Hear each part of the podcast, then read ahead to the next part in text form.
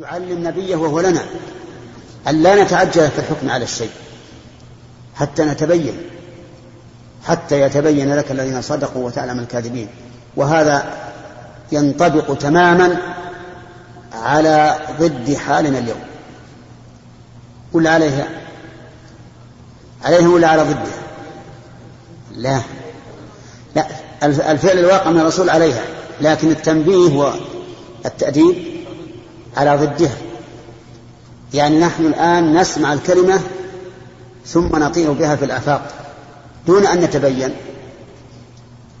والله عز وجل يقول لرسوله عفى الله عنك لما أذنت لهم حتى يتبين لك الذين صدقوا وتعلم الكاذبين ويقول واتق الله وتخفي في نفسك ما الله مبديه وتخشى الناس والله أحق أن تخشاه. كلمات عظيمة جدا. ويقول عز وجل يا أيها النبي لم تحرم ما أحل الله لك؟ تبتغي مرضات أزواجك والله غفور رحيم. وقد وكما قلت قد يكون الإنسان بعد الذنب والتوبة خيرا منه قبل ذلك. متى حصل الاجتباء؟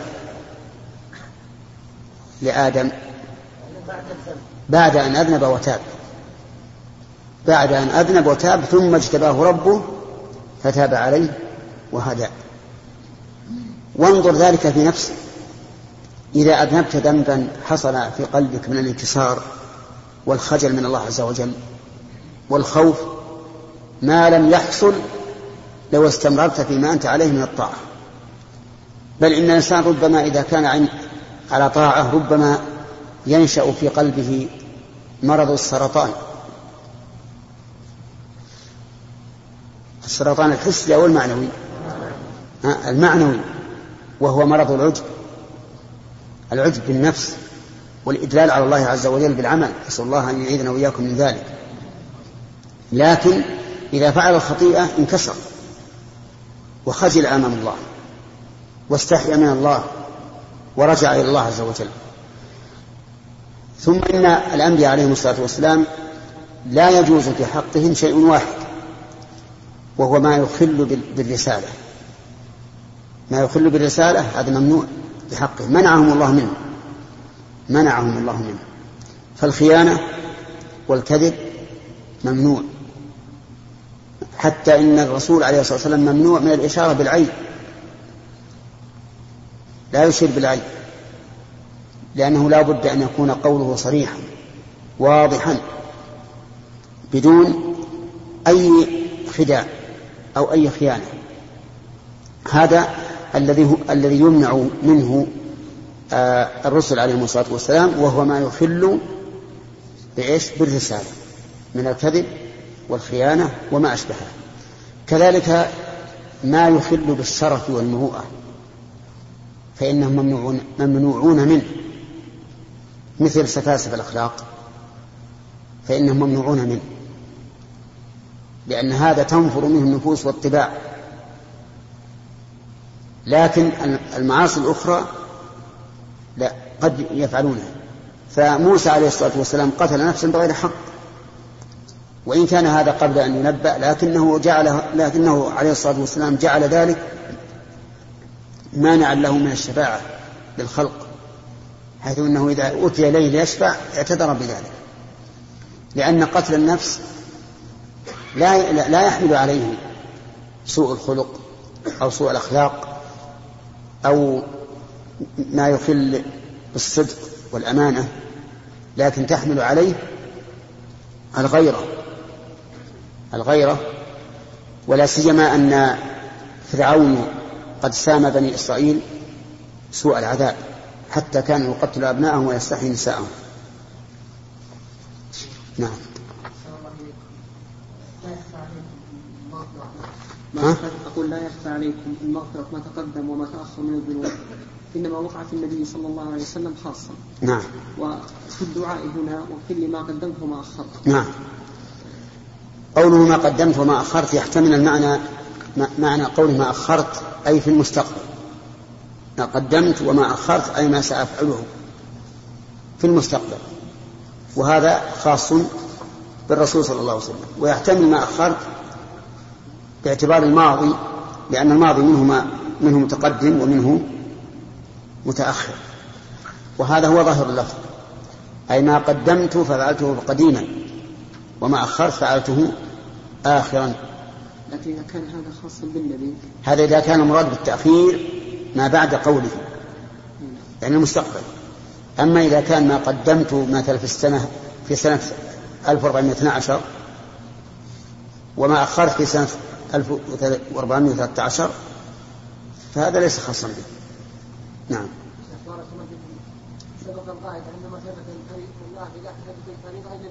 نعم.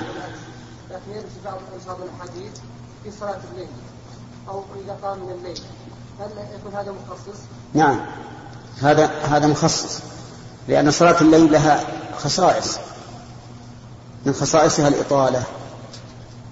الإطالة في القراءة في الركوع في السجود. فكان الرسول عليه الصلاة والسلام يطيلها ولهذا لم يثبت عنه ثبوتا صحيحا في الاستفتاح إلا اللهم باعد بيني وبين خطاياي كما باعدت بين المشرق والمغرب. هذا هو الثالث في الصحيحين. وحديث سبحانك اللهم وبحمدك وتبارك اسمك هذا في السنن واختلف العلماء في صحته مرفوعا.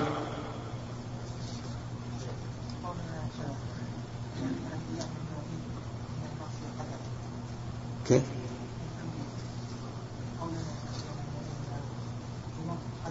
لا ما قلنا ممنوعين. إحنا قلنا ممنوعين. قلنا ممنوعين من الإقرار عليها. ما يقرون عليها. قدرا بمعنى أن الله ينبههم عليها أو ينتبهون. لا قدرا. أما شرعا فنحن نحن والأنبياء ممنوعون من الإقرار عليها. شرعا. يعني أن الله عز وجل يهيئ لهم أسباب التوبة فيتوبون. فورا أو بعد زمن المهم لا بد أن يتوب. لكن نحن لا ممنوعون منها شرعا لكن قدرا ربما نستمر في معاصينا ونصر عليها نعم نعم. قال وأنت إله لا إله لغيرك. هذا ختمها بالألوهية لأنها هي التي أرسلت من أجلها الرسل وأنزلت الكتب. أنت إلهي لا إله لي غيرك. أي لا معبود حق لي غيرك يا الله. نعم. حدثنا لكن حدثنا ثابت بن محمد قال حدث الإسلام بهذا وقال أنت الحق وقولك الحق. يعني بعد قول وسعة حق أنت الحق وقولك الحق. نعم. نعم. عند قوله قولك الحق. قبل. باب وكان الله سميعا بصيرا. عندنا باب قول الله.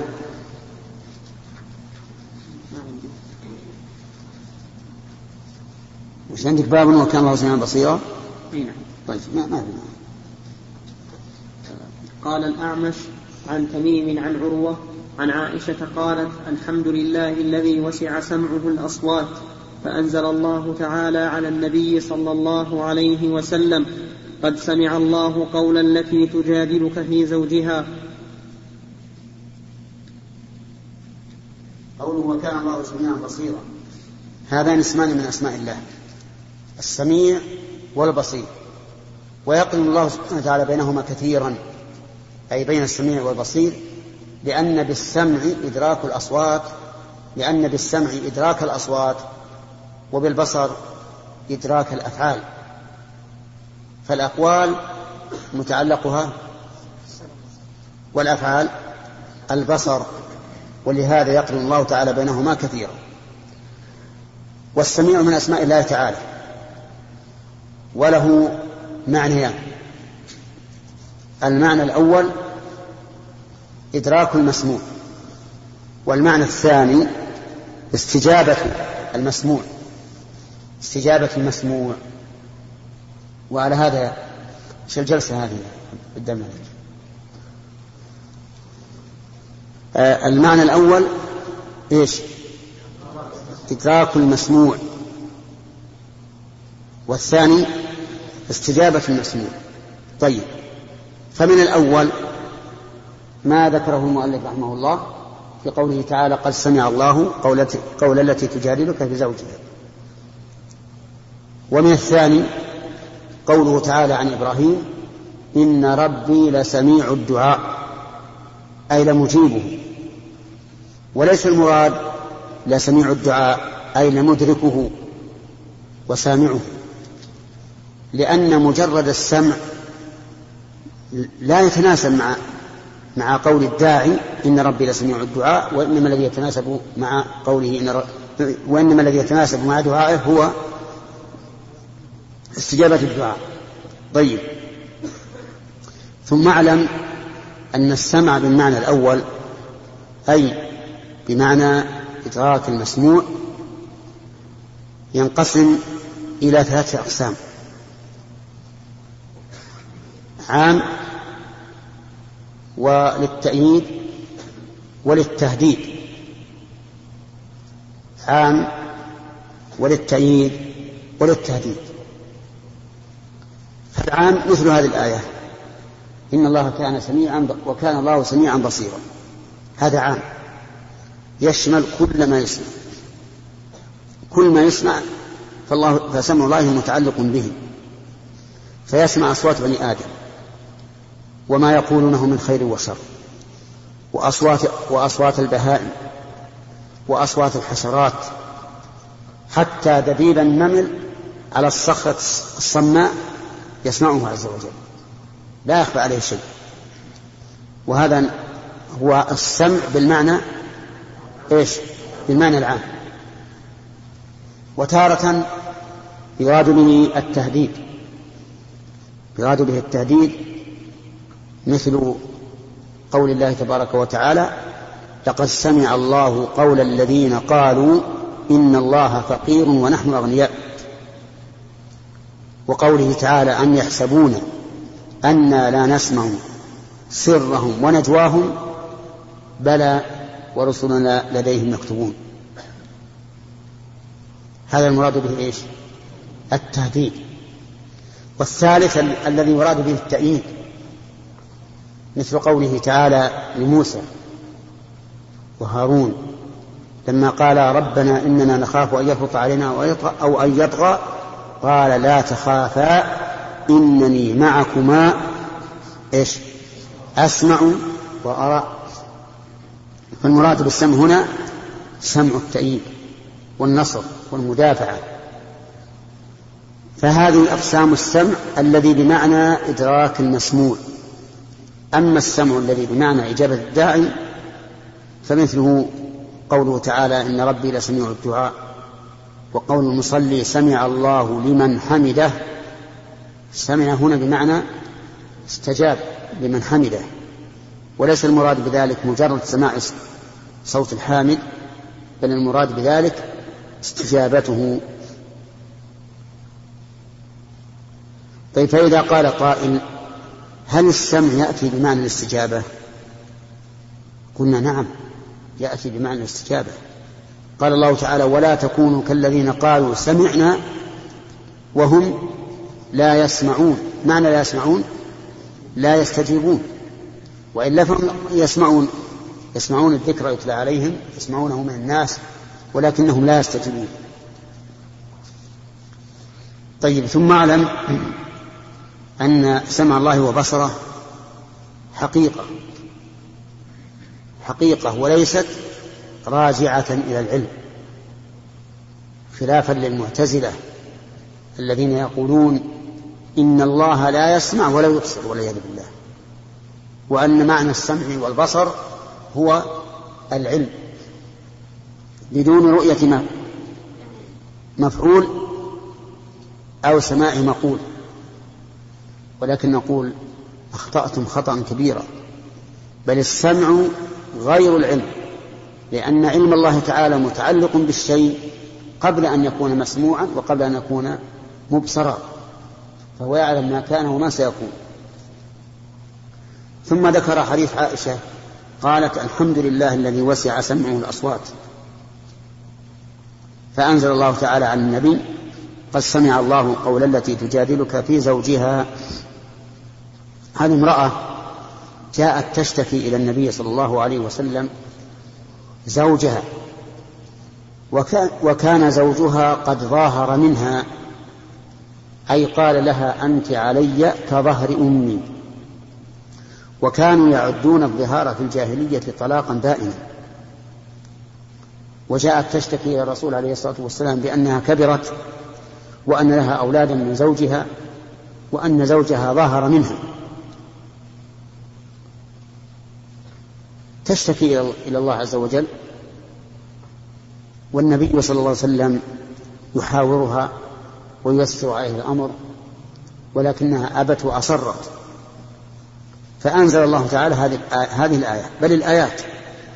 قد سمع الله قول التي تجادلك في زوجها أي في شأنه وتشتكي إلى الله. والله يسمع تحاوركما. إن الله سميع بصير. قالت عائشة الحمد لله الذي وسع صوته سمعه الأصوات إني لفي الحجرة وإنه ليخفى علي بعض حديثها. سبحان الله. والله عز وجل فوق عرشه يسمع كلامها ويسمع محاورتها للنبي صلى الله عليه وآله وسلم ومحاورته لها. وتأمل كيف جاءت الآية بلفظ الماضي ولفظ المضارع قد سمع والله يسمع. كما جاءت هذه المادة سمع بمعنى التعجب. مثل قوله تعالى أسمع به وأبصر. أسمع به يعني ما أسمعه وما أبصره. فهنا فيه أن الله سبحانه وتعالى يسمع سماعا حقيقيا. لأنه قال قد سمع والله يسمع. ولو كان المراد بذلك العلم ما صح لأن علم الله تعالى كان سابقا. وهذا يدل على أن سمعه متعلق بقول هذه المرأة حالا حيث قال والله يسمع ويسمع هذه الفعل المضارع تدل على الحال. والله يسمع تحاوركما إن الله سميع بصير. الجملة هذه كالتعليل لما قبله. ومن هنا أخذ أهل السنة أن الاسم إذا كان متعديا فإنه لا يتم الإيمان به إلا بإثباته.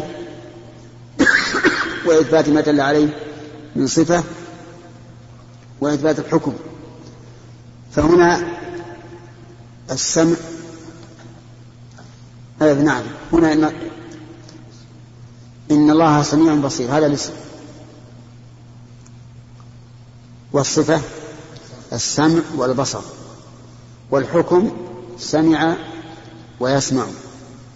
سمع ويسمع. ثم إننا إذا آمنا بذلك ونحن مؤمنون إن شاء الله فإن ذلك يوجب لنا أن لا نسمع ربنا ما يغضبه علينا. إذا كنت تؤمن بأن الله يسمع كل قول تقول تقوله فإن هذا يوجب لك ألا تقول قولا لا يرضي الله. لأنه إذا كان ولله المثل الأعلى إذا كان أبوك لا يرضى أن يسمع منك ما, ما, ما لا يرضاه فتحاول أن لا يسمع منك ما لا يرضاه فربك أولى وأعظم. أن تسمعه ما لا يرضاه منك. نعم. سليم. نعم.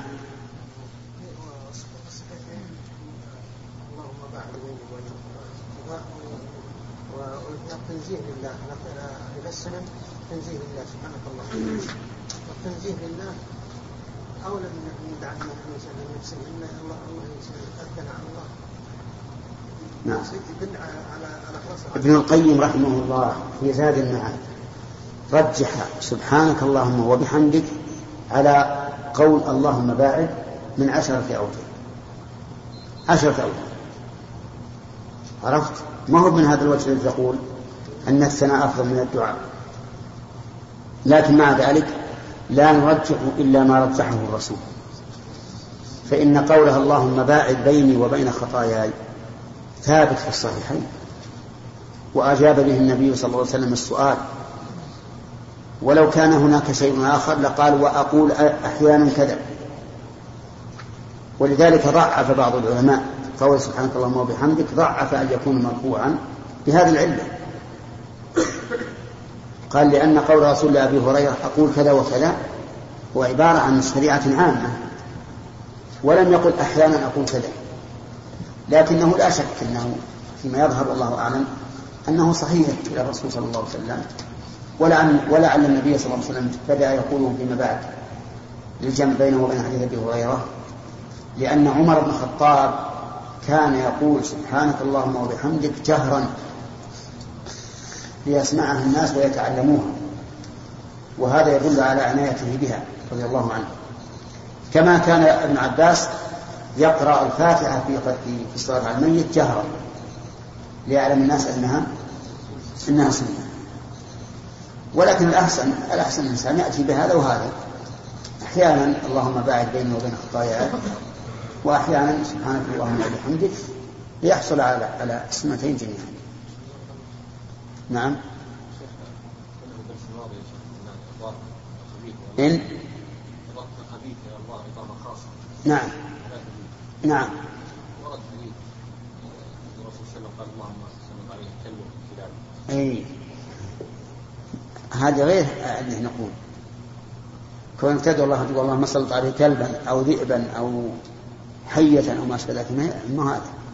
لكن لا تقول انه خلق الكلاب على وجه الخصوص تقول خلق كل شيء خلق الآدمي خلق البعير خلق البقرة خلق الكلب خلق كذا. إلا أن استثنينا في الدرس إذا كان ذلك دفعا لقول من ينكر هذا. فيقول إن الله لم يخلق الأشياء الخبيثة لأنه بزعمه لا فائدة منها. فنقول بل خلقها. نعم.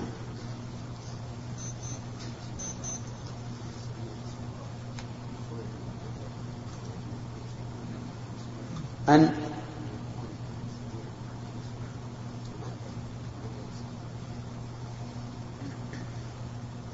ما هو بالظاهر لأن سميع بمعنى مسمع ما تأتي إلا بقرينة أما عند الإطلاق ما تأتي. الرحمن الرحيم. الحمد لله والصلاة والسلام على رسول الله. قال البخاري رحمه الله تعالى حدثنا سليمان بن حرب قال حدثنا آه، تكلمنا أمس عن عن سمع الله عز وجل وبينا أنه ينقسم إلى قسمين. الأول إدراك المسموع والثاني استجابة الداعي. وبينا الشاهد لكون السمع يأتي بمعنى الاستجابة. وبينا أن السمع الذي يكون بمعنى إدراك المسموع ينقسم إلى ثلاثة أقسام. وشيء يقول ثلاثة أنواع. للتهديد والثاني؟ التأييد والعموم ها؟ طيب. وبينا أيضا أدلة ذلك وأمثلة. وبينا أيضا نزول الآية قد سمع الله قال تجادلك حيث جاءت جاء السمع بالماضي والمضارع. الماضي ما دل على المضي والمضارع يدل على الحال. وهنا أسأل هل سمع الله تعالى من صفاته الذاتية أو من صفاته الفعلية؟ الجواب من صفاته الذاتية. من صفاته الذاتية. والذي يحدث إنما هو المسموع. أما السمع فلا يزال فلم يزل ولا يزال متصفا به لكن المسموع هو الذي يحدث. مثله العلم. علم الله سبحانه وتعالى صفة أزلية أبدية من صفاته الذاتية. لكن الذي يحدث هو المعلوم ومنه قوله تعالى ولنبلونكم حتى نعلم المجاهدين فهذا علم متعلق بالمعلوم والمعلوم محدث. أما العلم الأزلي الذي هو وصف الله فهو سابق. فالله عالم من من يجاهد ومن لا يجاهد ومن يصبر ومن لا يصبر عالم من قبل. لكن هذا علم للشيء بعد وجوده فهو متعلق بالمعلوم حين حدوثه. ولعل يأتينا إن شاء الله الكلام على العلم وأقسامه في كلام المؤلف. نعم. حدثنا سليمان. حدثنا سليمان بن حرب قال حدثنا حماد بن زيد عن أيوب عن أبي عثمان عن أبي موسى قال كنا مع النبي صلى الله عليه وسلم في سفر. فكنا إذا علونا كبرنا فقال أربعوا على أنفسكم أربعوا همزة وصل. فقال أربعوا على أنفسكم فإنكم لا تدعون أصم ولا غائبا تدعون سميعا بصيرا قريبا ثم أتى علي وأنا أقول في نفسي لا حول ولا قوة إلا بالله. فقال لي يا عبد الله ابن قيس قل لا حول ولا قوة إلا بالله فإنها كنز من كنوز الجنة. أو قال ألا أدلك به؟ هذا الحديث يقول كنا مع النبي صلى الله عليه وسلم في سفر أبو موسى عبد الله بن قيس. فكنا إذا علونا كبرنا وكانوا إذا علوا وكان النبي صلى الله عليه وآله وسلم قد علمهم إذا علوا كبروا. وإذا هبطوا واديا سبحوا. والمناسبة في هذا ظاهرة لأن العلو ارتفاع. فإذا ارتفع الإنسان فقد جرى في نفسه الكبرياء. فيقول الله أكبر. إذا نزل فالنزول سفل والسفل نقص فكان من المناسب أن يسبح الله عز وجل. فإذا نزلت واديا فقل سبحان الله وإذا علوت فقل الله أكبر. ومثل ذلك فيما يظهر الطائرة عند صعودها تقول الله أكبر عند نزولها تقول سبحان الله. لأن هذا النزول إلى أسفل. كانوا يكبرون ولكنهم يرفعون أصواتهم ويشقون على أنفسهم بالتكبير. فقال اربعوا على أنفسكم. يعني هونوا عليها لا تشقوا عليها. فإنكم لا تدعون أصم ولا غائبا. وهنا قال لا تدعون ولم يقل لا تكبرون لأصم. وذلك لأن الذكر يتضمن الدعاء. فإن الذاكر إنما يذكر الله لماذا؟ لأي شيء. يذكر الله لإيش؟ ليثيبه على ذلك. فهو دعاء بلسان الحال لو سألت الذاكر لما تذكر الله قال ليثيبني. فلهذا قال لا تدعون. ويحتمل أنهم يكبرون ويدعون. فحذف الدعاء من من التكبير وذكر التكبير ولكن الأول أقرب. أن الذكر دعاء لأن الذاكر يدعو الله تعالى بلسان حاله. لا تدعون أصم يعني لا يسمع. حتى ترفعوا أصواتكم له. ولا غائبا يخفى عليه حالكم. إنما تدعون نعم تدعون سميعا بصيرا سميعا ضد. أصم بصيرا ضد أعمى. وهنا لم لم يتعرض في الأول للعمى لكن ذكره في الثاني لأن الله تعالى دائما يقرن بين قوله سميع بصير لأن في السمع إدراك المسموعات وفي البصر إدراك المرئيات. قريبا هذا ضد قوله غائبا. تدعون سميعا بصيرا قريبا. وفي لفظ آخر إن الذي تدعونه أقرب إلى أحدكم من عنق راحلته. إن الذي تدعونه أقرب إلى أحدكم من عنق راحلته وهم على رواحل فهو أقرب من عنق الراحلة عز وجل. ففي هذا الحديث ما في الترجمة وهي قوله سميع نعم سميع بصير. باب باب باب وكان الله سميعا بصيرا. وقوله بصيرا آه، البصير من يدرك المبصرات.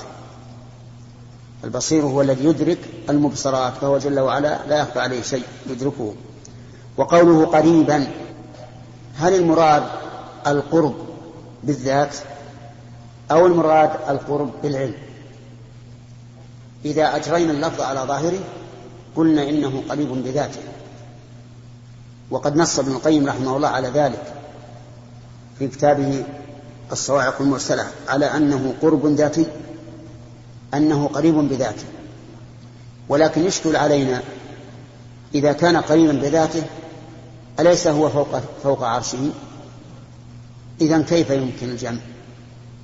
نقول إن صفات الله عز وجل لا تشبه صفات المخلوقين ولهذا قال الشيخ الإسلام في العقيدة الواسطية إن الله قريب في علوه علي في دنوه فهو عز وجل جامع بين العلو وبين القرب وهو قرب حقيقي. والأصل أن كل شيء يضاف إلى الله فهو يضاف إليه ذاته. هذا هو الأصل. لكن يكون من لوازمه أشياء مثلا قربه يلزم منه علمه وسمعه وبصره وتدبيره وغير ذلك من لوازم الربوبية. طيب ثم أتى علي وأنا أقول في نفسي لا حول ولا قوة إلا بالله. في نفسي يعني لا لا أنطق به بلساني لا حول ولا قوة إلا بالله.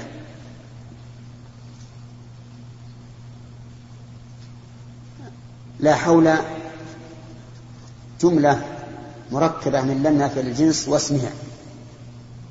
فأين خبرها؟ خبرها محذوف. أي لا حول كائن ولا قوة كائنة إلا بالله. فما معنى الحول وما معنى القوة؟ معنى الحول التحول. التحول من حال إلى حال. فلا تحول لنا من حال إلى حال إلا بالله. القوة معروفة ضد الضعف ولا قوة لنا أيضا إلا بالله. والبا هنا للسببية أو للإعانة. المعنى لا نستطيع أن نتحول ولا نقوى على ذلك إلا بالله عز وجل. وهذه الكلمة كلمة استعانة وليست كلمة استرجاع وليست كلمة استرجاع. خلافا لاستعمال العامة لها. فإن العامة يستعملونها للاسترجاع. فإذا أصيبوا بمصيبة قال لا حول ولا قوة إلا بالله. والصواب أنك إذا أصبت بمصيبة تقول إنا لله وإنا إليه راجعون. لكن لاستعمالهم إياها وجه. كأنهم يستعينون بها على تحمل الصبر وتلقي المصيبة. لكن ما ورد وهو الاسترجاع أفضل وأحسن. فقال لي يا عبد الله بن قيس وهو أبو موسى قل لا حول ولا قوة إلا بالله فإنها كنز من كنوز الجنة أو قال ألا أدلك على كنز من كنوز الجنة. فينبغي الإنسان إذا كلما أصابه أمر هام أن يقول لا حول ولا قوة إلا بالله لأنها كلمة استعانة.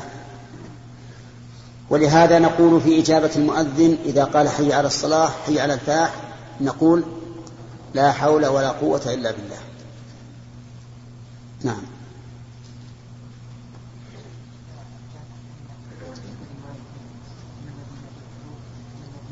إن الذي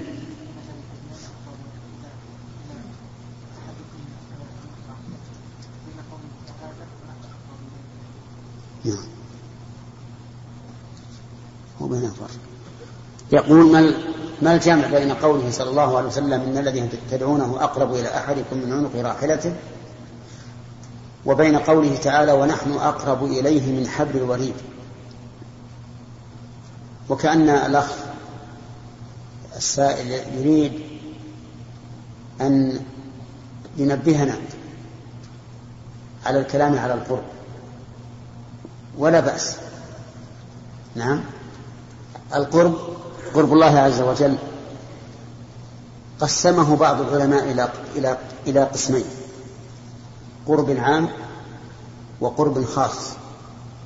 فالقرب العام هو قرب الإحاطة وهو شامل لكل أحد. واستدل هؤلاء بقوله تعالى ولقد خلقنا الإنسان ونعلم ما توسوس به نفسه ونحن أقرب إليه من حبل الوريد إذ يتلقى المتلقيان عن اليمين وعن الشمال قعيد قالوا إن هذا عام. لأن الله يقول ولقد خلقنا الإنسان ونعلم ما توسوس به نفسه. والقرب الخاص مثل قوله تعالى وإذا سألك عبادي عني فإني قريب أجيب دعوة الداعي إذا دعان. يعني إذا سألك عبادي عن عني إذا دعوني. فإني قريب أجيب دعوة الداعي إذا دعان. فيكون هذا القرب خاصا بمن يدعوه. وكذلك قال النبي صلى الله عليه وسلم أقرب ما يكون العبد من ربه وهو ساجد. وهذا قرب العابد. فالقرب الخاص قرب الداعي وقرب العابد. والعام الشامل لكل أحد. ولكن الشيخ الإسلام رحمه الله أبى ذلك. وقال إن القرب لا ينقسم. القرب لا يكون إلا ممن يستحق القرب وهو الداعي والعابد. قال الداعي مع الله يناجي ربه والعابد كذلك يناجي ربه مع ربه. فهذا هو الذي يستحق أن أن يكون الله قريبا منه. أما غير ذلك فلا. وأجاب عن الآية الكريمة عن قوله تعالى ولقد خلقنا الإنسان ونعلم ما توسوس به نفسه ونحن أقرب إليه من حبل الوريد قال إن هذا قرب الكتبة بدليل قوله إذ يتلقى المتلقيان فإن إذ ظرف لا بد له من متعلق ولا متعلق له فيما نعلم إلا كلمة أقرب التي سبقته يعني ونحن أقرب إليه حين يتلقى المتلقيان. فيكون المراد بالقرب هنا قرب إيش؟ قرب الملائكة. قال ومثله قوله تعالى في المحتضر فلولا إذا بلغت الحلقوم وأنتم حينئذ تنظرون ونحن أقرب إليه منكم ولكن لا تبصرون فلولا إن كنتم غير مدينين ترجعونها إن كنتم صادقين. قال ولم يرد في الكتاب والسنة القرب العام لكل أحد. بخلاف المعية المعية وردت عامة وخاصة. كما قال تعالى ما يكون من نجوى ثلاثة إلا ورابعهم ولا خمسة إلا وسادسهم ولا أدنى من ذلك ولا أكثر إلا وهو معهم أينما كانوا. ووردت خاصة مثل إن الله مع الذين اتقوا والذين هم محسنون. لأن المعية أعم أوسع من القرب. القرب واضح. بأنه دنو لكن يليق بجلاله وعظمته. لا يلزم منه انتفاء العلو وإن كان قريبا لأن الإنسان ما يتصور كيف تكون هذه الصفات الله عز وجل. هي أعظم من أن يدركه العقل. إذا كان الله سبحانه وتعالى وسع كرسيه السماوات والأرض والكرسي موضع القدمين فكيف بالعرش فكيف بالرب عز وجل؟ شيء لا يمكن تصوره يعني لا لا تمكن الإحاطة به. فإذا القرب ينقسم عند بعض العلماء إلى قسمين والراجح أنه لا ينقسم وأنه خاص بالعابد والداعي فقط.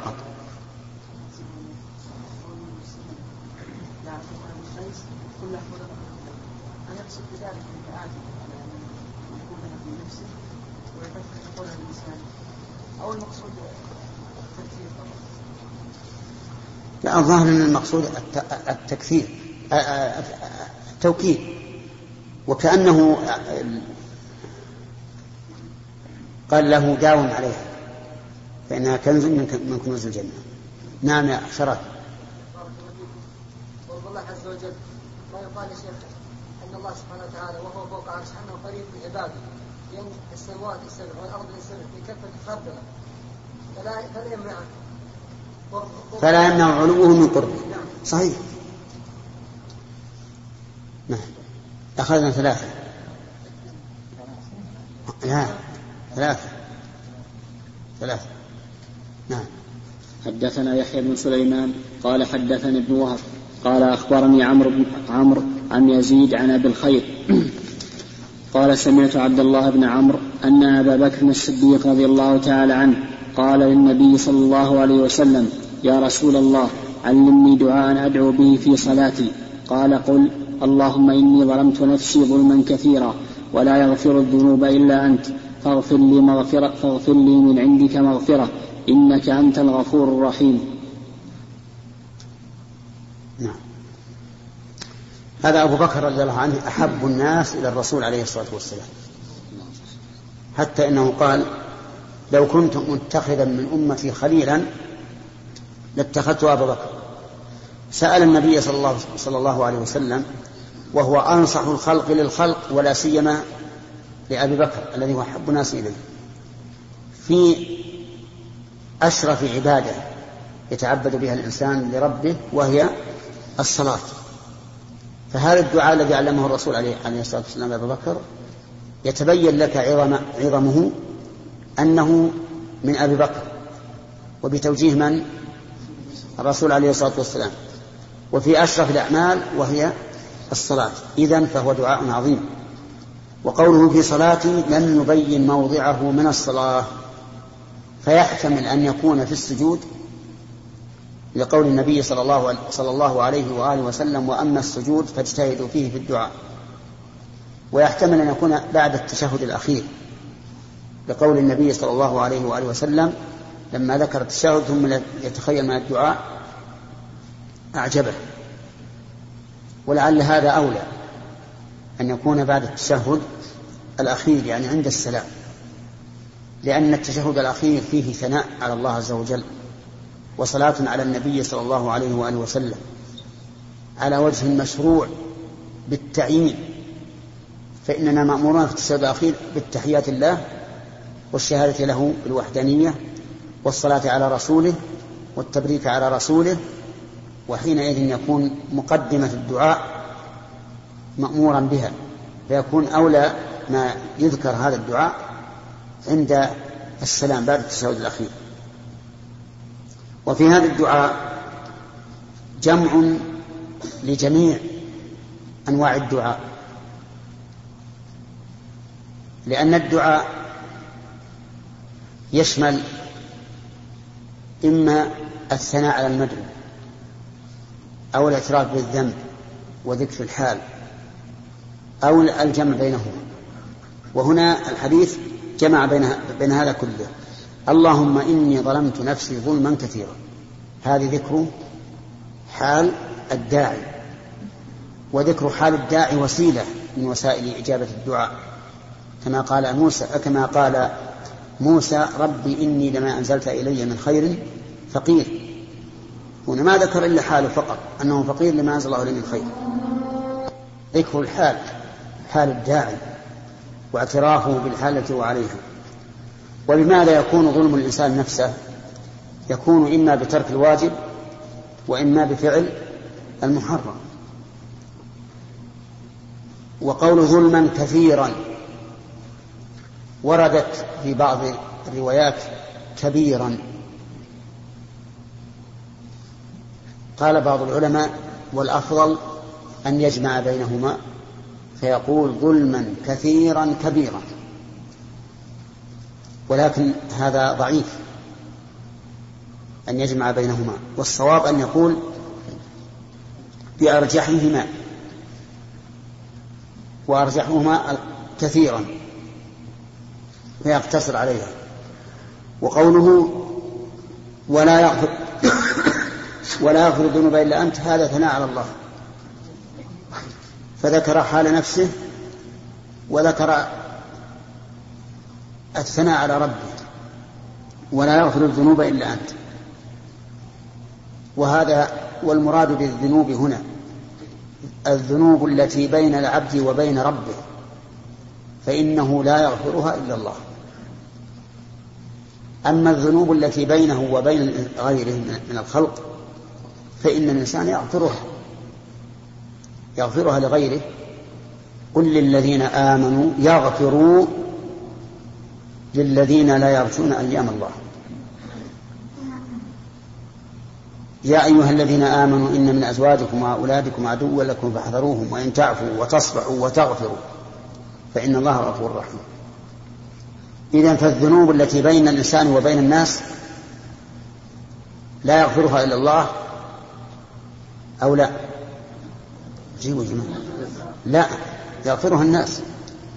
الذنوب التي بينك وبين الله لا يغفرها إلا الله عز وجل ولا يغفر الذنوب إلا أنت. والذنوب هي المعاصي والآثام التي تكون على الإنسان. فاغفر لي هذا الدعاء. هذا الدعاء. لكن هذا الدعاء سبقه ثناء واعتراف. من عندك مغفرة. أضاف الله من عنده لأن العطاء يكون على حسب المعطي. فإذا كانت من عند الله فلا بد أن تكون مغفرة عظيمة لا تغادر ذنبا. إنك أنت الغفور الرحيم. هذا ثناء أيضا على الله تعالى وتوسل إليه باسمه الغفور الرحيم. طيب هل في هذا الحديث ذكر للسمع والبصر؟ لأنه الترجمة باب وكان الله سميعا بصيرا. شوف ابن حجر